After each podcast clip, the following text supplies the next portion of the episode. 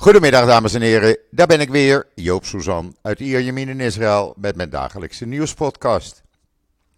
Eerst maar even het weer. Nou, het is eh, behoorlijk bewolkt, zeg maar zwaar bewolkt. Het is een graad of 19, het is dus niet koud, maar de regen komt eraan. En eh, niet alleen omdat ze dat voorspeld hebben, vanaf eh, maandagavond, dinsdagmorgen, een hele week lang, zegt men. Maar ik voel het ook in mijn enkel. En uh, die uh, verhinderde mij om gisteravond naar de demonstratie in Tel Aviv te gaan, helaas. Maar ik heb al gemerkt, er wordt ook uh, bij ons nu gedemonstreerd. Dus ik hoef niet meer naar Tel Aviv als ik in de buurt wil blijven. maar goed, dat is dus het weer voor de komende dagen. en dan het nieuws. Ja, uh, jullie hebben het allemaal al gehoord, denk ik. Uh, de verschrikkelijke terreuraanslagen in Jeruzalem. De eerste bij uh, uitgaan van de synagoge vrijdagavond. En de tweede gisteren. De slachtoffers zijn inmiddels bekend. Het is Asher Nathan van 14, Eli van 48, en Natali Mizrahi van 45, een echtpaar. Die gingen naar beneden om te helpen en werden van dichtbij doodgeschoten. Ze waren net twee jaar getrouwd.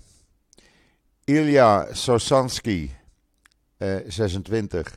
Rafael Ben Eliaou, 56. Irina Koralova, 59.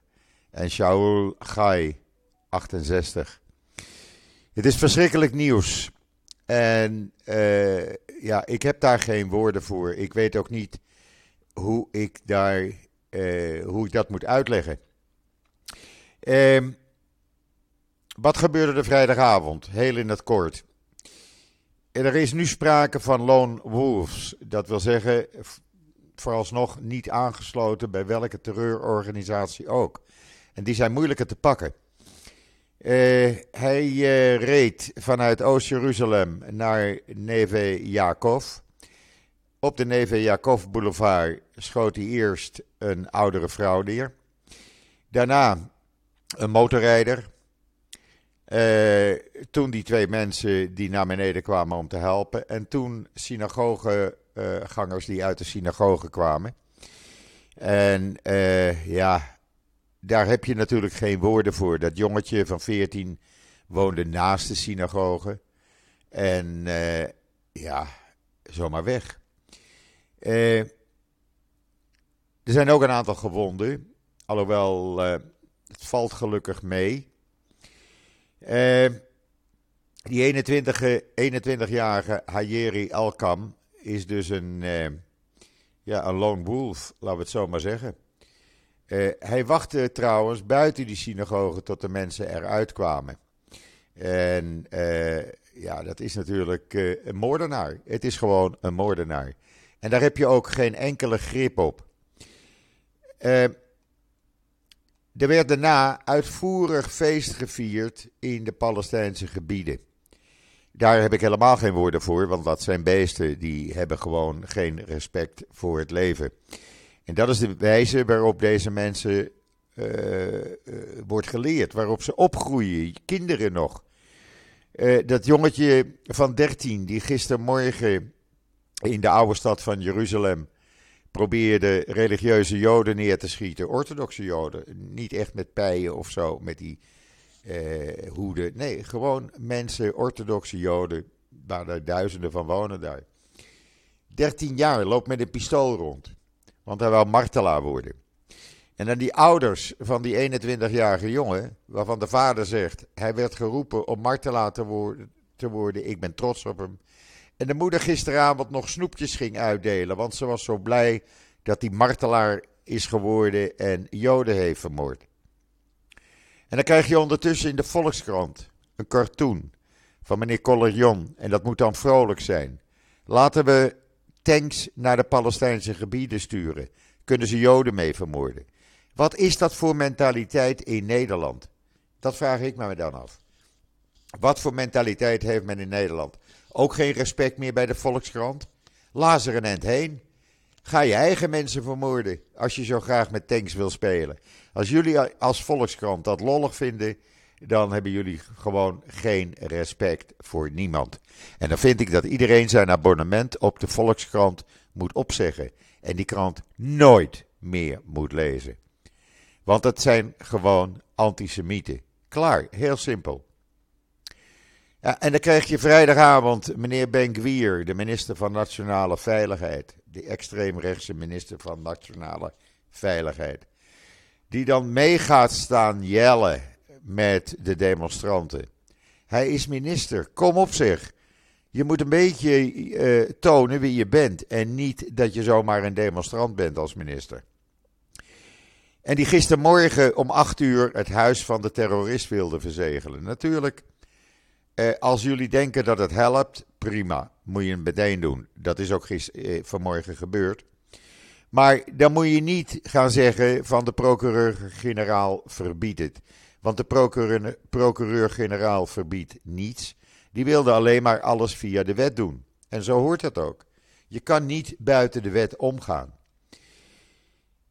En ja, dan uh, het uh, veiligheidskabinet wat dan gisteravond bij elkaar kwam. Trouwens, als je alles wil zien, de filmpjes, het snoep uitdelen, uh, het staat allemaal op israelnieuws.nl. uitgebreid ook hoe ze op, de Gaza, op Gaza en de Westbank feest gingen vieren. Want ja, Joden vermoorden, ja, dat is natuurlijk iets feestelijks. Eh dan kwam meneer, of het veiligheidskabinet kwam dan bij elkaar. En die hebben dan maatregelen afgekondigd. En dan kan ik zeggen, moet ik zeggen, van die maatregelen ben het daarmee eens? Niet met alles. Ik weet niet of het helpt om een huis te verzegelen van een terrorist en het een tijdje laten te slopen. mogelijk een soort dwang, maar je moet je indenken, die terroristen die worden martelaar, die zijn er niet meer. Die interesseert het geen donder. Als jij de nationale verzekeringsrechten en aanvullende uitkeringen van je familie eh, intrekt. Dat werkt niet. Want uh, ja, die mensen, eh, je weet niet of die ouders of de familieleden allemaal eh, de terreur steunen. Het komt vaak genoeg voor dat dat niet zo het geval is en dat men pro-Israël is.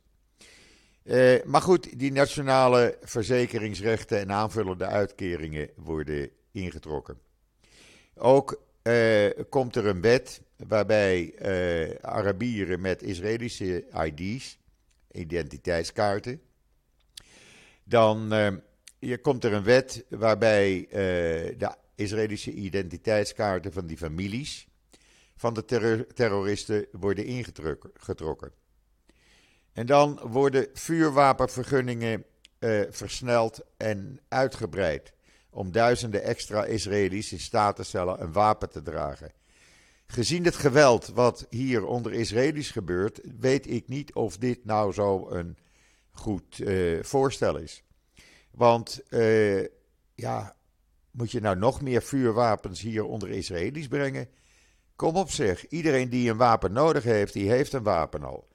En er is zoveel geweld hier op de wegen, in de steden. Eh, als daar extra vuurwapens bij worden gebruikt, nou, dan loopt het helemaal uit de hand.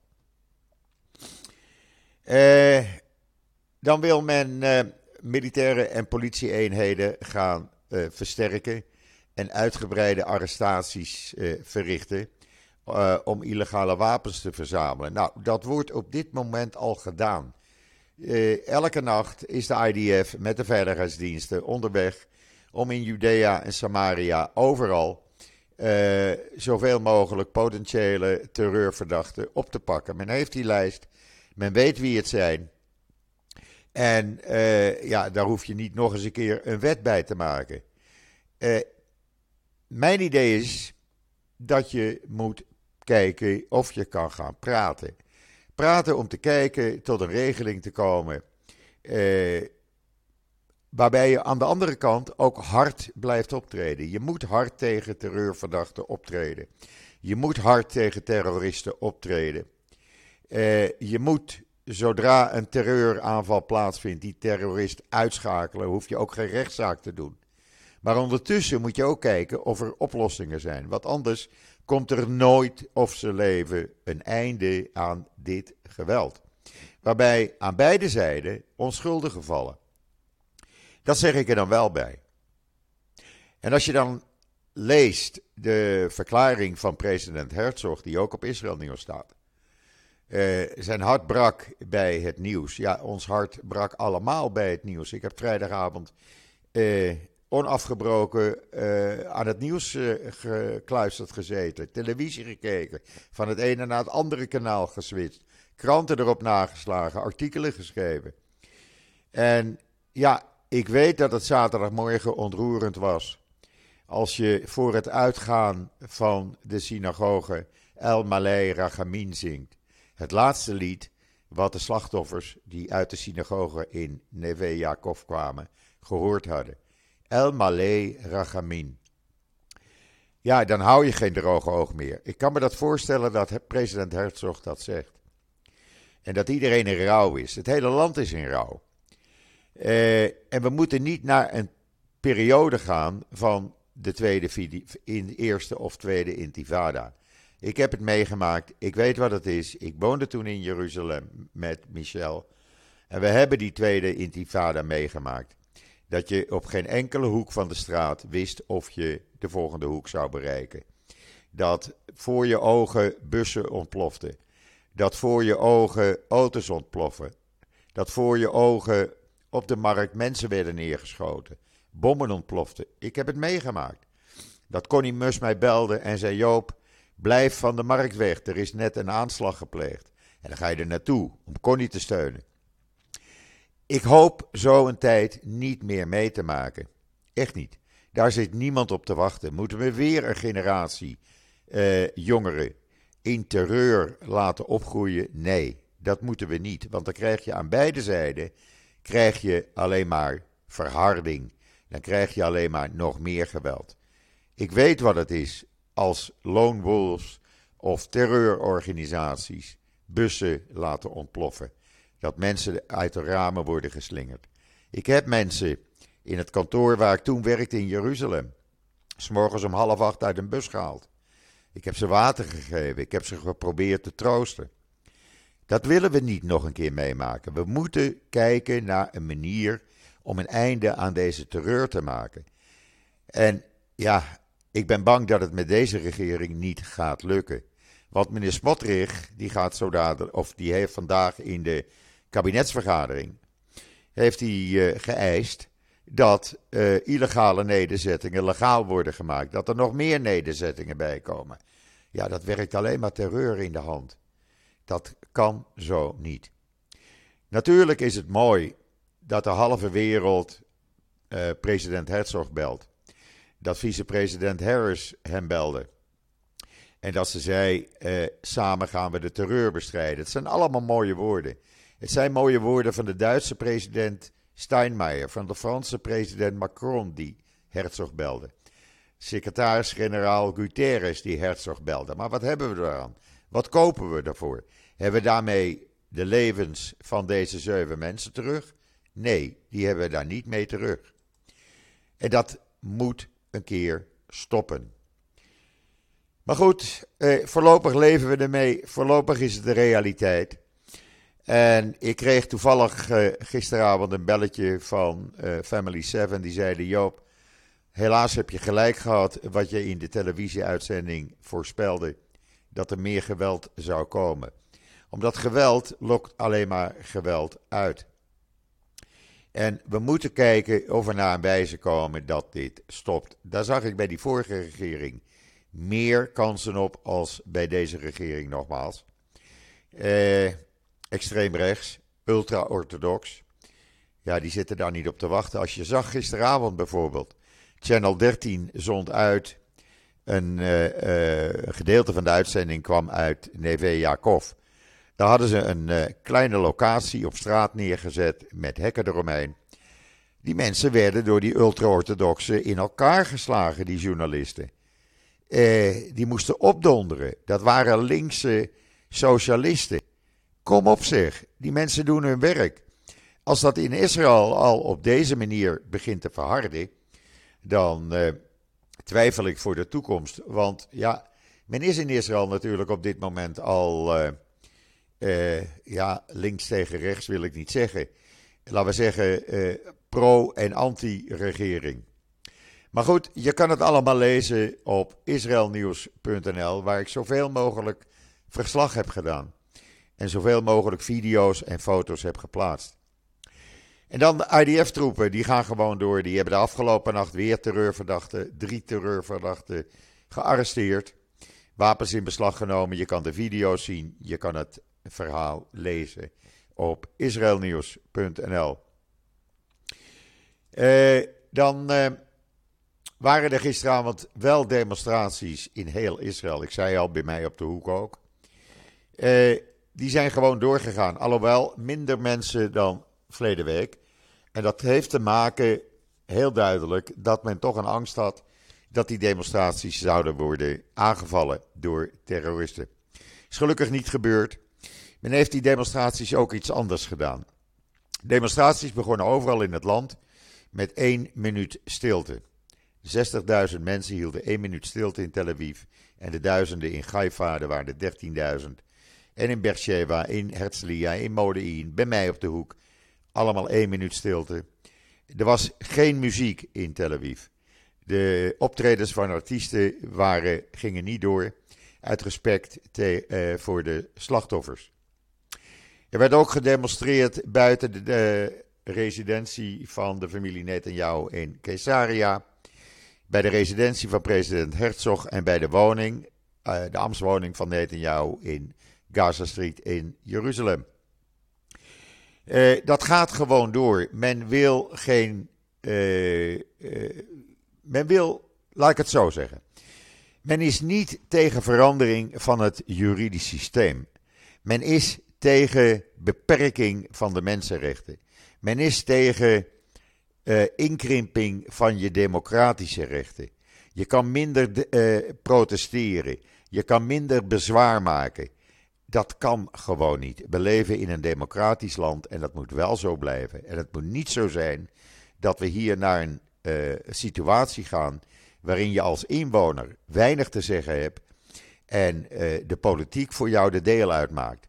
Waarin we naar een uh, situatie gaan waarin, zoals afgelopen week de ultra-orthodox is aangekondigd, gemengd baden begint met 15% vermindering.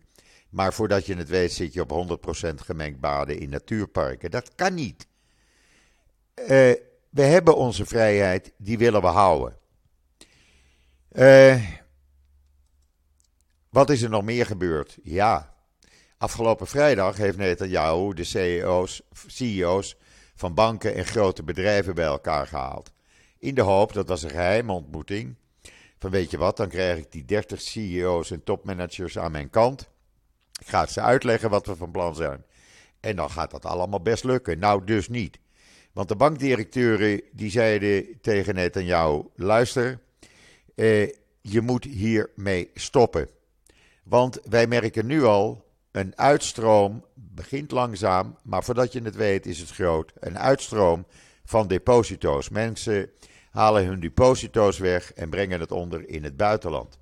Er zijn nu twee bedrijven die gezegd hebben hun kapitaal uit Israël weg te halen, high-tech bedrijven.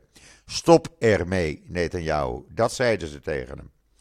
Uh, je kan het allemaal lezen op Israël Nieuws, want ik heb het daar uh, uitgebreid neergezet, het perscommuniqué. perscommuniqué. Uh, de CEO van Israël Discount Bank, Uri Levin, zei tegen Netanyahu: Het is onmogelijk om alle economen te negeren inclusief de economen die jou altijd hebben geadviseerd. Uh, zij zijn bezorgd over de stappen die jullie nemen. Stop ermee. Want je kan toch niet zeggen dat al die economen het mis hebben en jullie het gelijk hebben als regering. Dat kan niet. Je moet ermee stoppen. Uh, Netanyahu luisterde, probeerde pogingen in het werk te stellen om de zaak te kalmeren, wat niet lukte. Uh, en ja, hij heeft niet gezegd wat hij zou gaan doen. Een hoge ambtenaar die bij die bijeenkomst was, die zei achteraf: iedereen sprak zijn bezorgdheid uit dat de legale staatsgreep, zoals die ambtenaar het noemde, eh, zoals die wordt uitgevoerd, zowel de democratie als de sociale cohesie schaadt. En uiteindelijk zal leiden tot schade aan de economie en niet eh, op opwekking van de economie, zoals Netanyahu zei. De CEO van uh, Pitango, uh, dat is uh, Jaime uh, Perez, de zoon van de voormalige president, jawel, Simon Perez. Die zei tegen Netanyahu: Het publiek is vastbesloten om te vechten. Dit is een partijoverschrijdende oorlog tussen de burgers van Israël en haar regering. Je hoeft niet met zo'n revolutie zonder veranderingen en zonder onderhandelingen door te gaan. We moeten deze waanzin stoppen en beginnen met praten. Uh, ja, het was een zeer emotionele bijeenkomst, anders als dat Netanyahu gedacht heeft. En dan wil ik jullie even wijzen op het uh, uh, verhaal van mijn broer. Die heeft weer een geweldige column geschreven vandaag. De vrede is net om de hoek. En die vrede is ook net om de hoek. Als je die column van hem leest, dan begrijp je wat hij bedoelt. Want wat hij bedoelt is heel simpel. Eh, wat we nu meemaken, eh, vrede komt eraan, maar als vrede om de hoek is, dan raken de Palestijnse leiders in, eh, in paniek. En dan lijkt het wel of we weer meer geweld gaan krijgen. Maar ook aan de Israëlische kant zie je dat gebeuren. En hij komt daar met voorbeelden in zijn uh, verhaal. En ik vind het een, uh, een ijzersterke column die hij gemaakt heeft. En ik raad jullie allemaal aan, ga hem lezen. Echt, ga die column lezen. Uh, dan weet je wat er hier eigenlijk speelt in dit mooie, prachtige land. En was er dan nog ander nieuws? Jawel, er zijn gisteravond drie terreurslachtoffers begraven. Dat is dat echtpaar en die jongen van 14. Uh, eh, ja, de vader van die jongen zei. Uh, hij. Uh, ik wilde altijd zoveel goed voor hem. Maar, zegt die vader Aharon Nathan over zijn zoontje van 14. Nu zit je voor eeuwig op een goede plek. Hij stierf niet, Asher. Hij scheidde alleen van zijn lichaam. Zijn ziel is eeuwig. De eenheid hier is een gigantische omhelzing voor ons. Uh, het echtpaar werd uh, uh, begraven in Bet Shemesh, waarbij de burgemeester van Bet Shemesh zei: Jullie harten zijn voor eeuwig verbonden. Jullie tweeën zijn voor eeuwig samen in het leven. Ja, het zijn mooie woorden, maar je hebt die mensen er niet mee terug. En dat zijn verschrikkelijke tragedies natuurlijk die er gebeuren. Eh, begrafenissen, je wil ze nooit meemaken, laat ik het zo zeggen. En dan eh, heeft de politie voor heel Israël het terreuralarm naar het allerhoogste niveau ge gebracht. Uh, dat betekent dat men uh, extra eenheden kan inbrengen. Het betekent dat men makkelijker uh, wegblokkades kan opzetten. Ook het leger is een graadje uh, hoger in paraatheid. we zullen zien wat er gaat gebeuren. Men heeft namelijk ook angst voor aanslagen door Joodse extremisten. Die nu nog eens een keer extra daartegen aan zullen gaan. We gaan het zien. Eh er gebeurt van alles, want de Knesset-advocaat, eh, die heeft vanmorgen in, uh, of de juridisch adviseur van de Knesset, meneer Gourblay, heeft vanmorgen in uh, de Knesset-commissie gezegd dat hij aanbeveelt om al die juridische hervormingen pas geldig te maken, niet alleen na een uitvoerige discussie en behandeling in de Knesset, wat de regering niet wil, maar pas in te laten gaan met een volgende regering. De ervaring leert ons namelijk, zegt hij, dat in de regel alle gerechtelijke amendementen die de verhoudingen tussen de regerende autoriteiten of de machtsverhoudingen tussen oppositie en coalitie ingrijpend veranderen, niet onmiddellijk van kracht kunnen worden, maar prospectief zijn en pas in de Knesset beginnen nadat ze als wet zijn aangenomen en dan met de volgende regering. Ja, ik betwijfel of deze huidige regering dat gaat doen. Want die werken natuurlijk ook geweld in de hand. Laten we niet vergeten, eh, Palestijnen die al terreurideeën uh, hadden, die worden daar nu natuurlijk nog meer in geactiveerd, doordat ze weten wat voor soort regering er zit. Een regering die, waarvan ministers hebben gezegd, die extremistische ministers, van uh, wij willen de hele Westbank annexeren. Wij willen alle Arabieren uh, naar de Palestijnse gebieden brengen. Uh, ja, dan werk je geen vrede meer in de hand. Aan de andere kant heeft Gilad Erdan, de ambassadeur van Israël bij de Verenigde Naties, een hartig woordje in de VN gezegd over de VN. Want hij heeft gezegd: De Verenigde Naties is opgericht op de as van de Holocaust. Het werd opgericht om ervoor te zorgen dat de mensheid nooit meer zo'n duisternis zou overkomen. Het is een levend monument voor de verschrikkingen die het Joodse volk heeft overgaan, ondergaan. En als zodanig is het de verantwoordelijkheid, zegt Erdan, van de Verenigde Naties om de wereld te leiden in het bestrijden van haat. Haat als het gaat om antisemitisme. Maar helaas negeert de Verenigde Naties haar doel. Ja, hij heeft daar volkomen gelijk aan. Want uh, veel word je daar uh, uh, niet mee in. nee, daar kom je niet veel verder mee.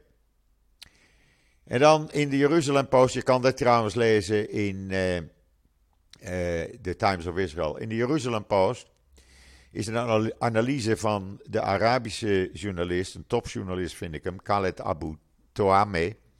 En die zegt, Abbas, die wil uh, een diplomatieke intifada.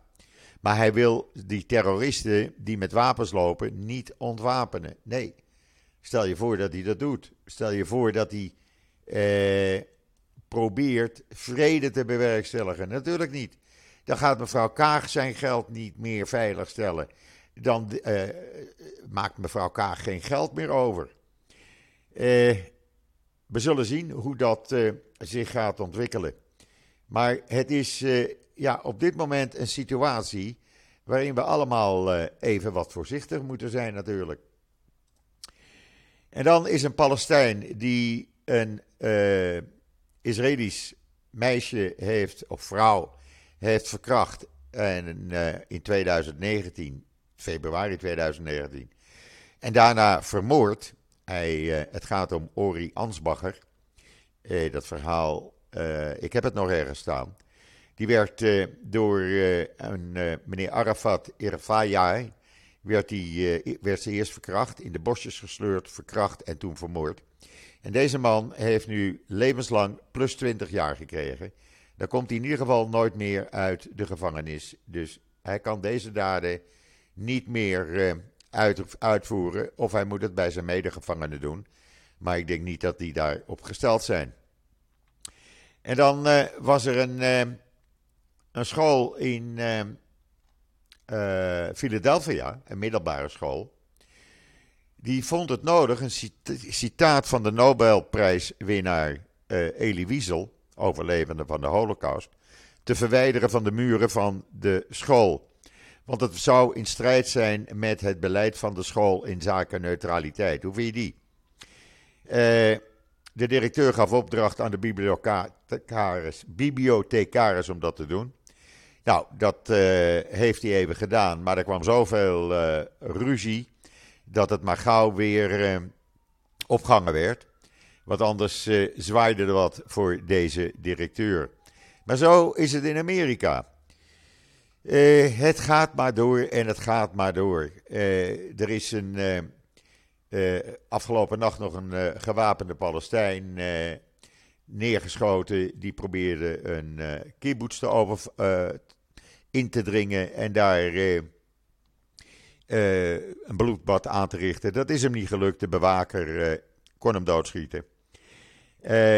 zojuist werd bekend dat de IDF vier eh, nee, twee gewapende individuelen uh, vanuit Syrië de grens over zagen komen. Uh, soldaten gingen daar snel naartoe, openden het vuur uh, volgens de procedure en ze werden geraakt.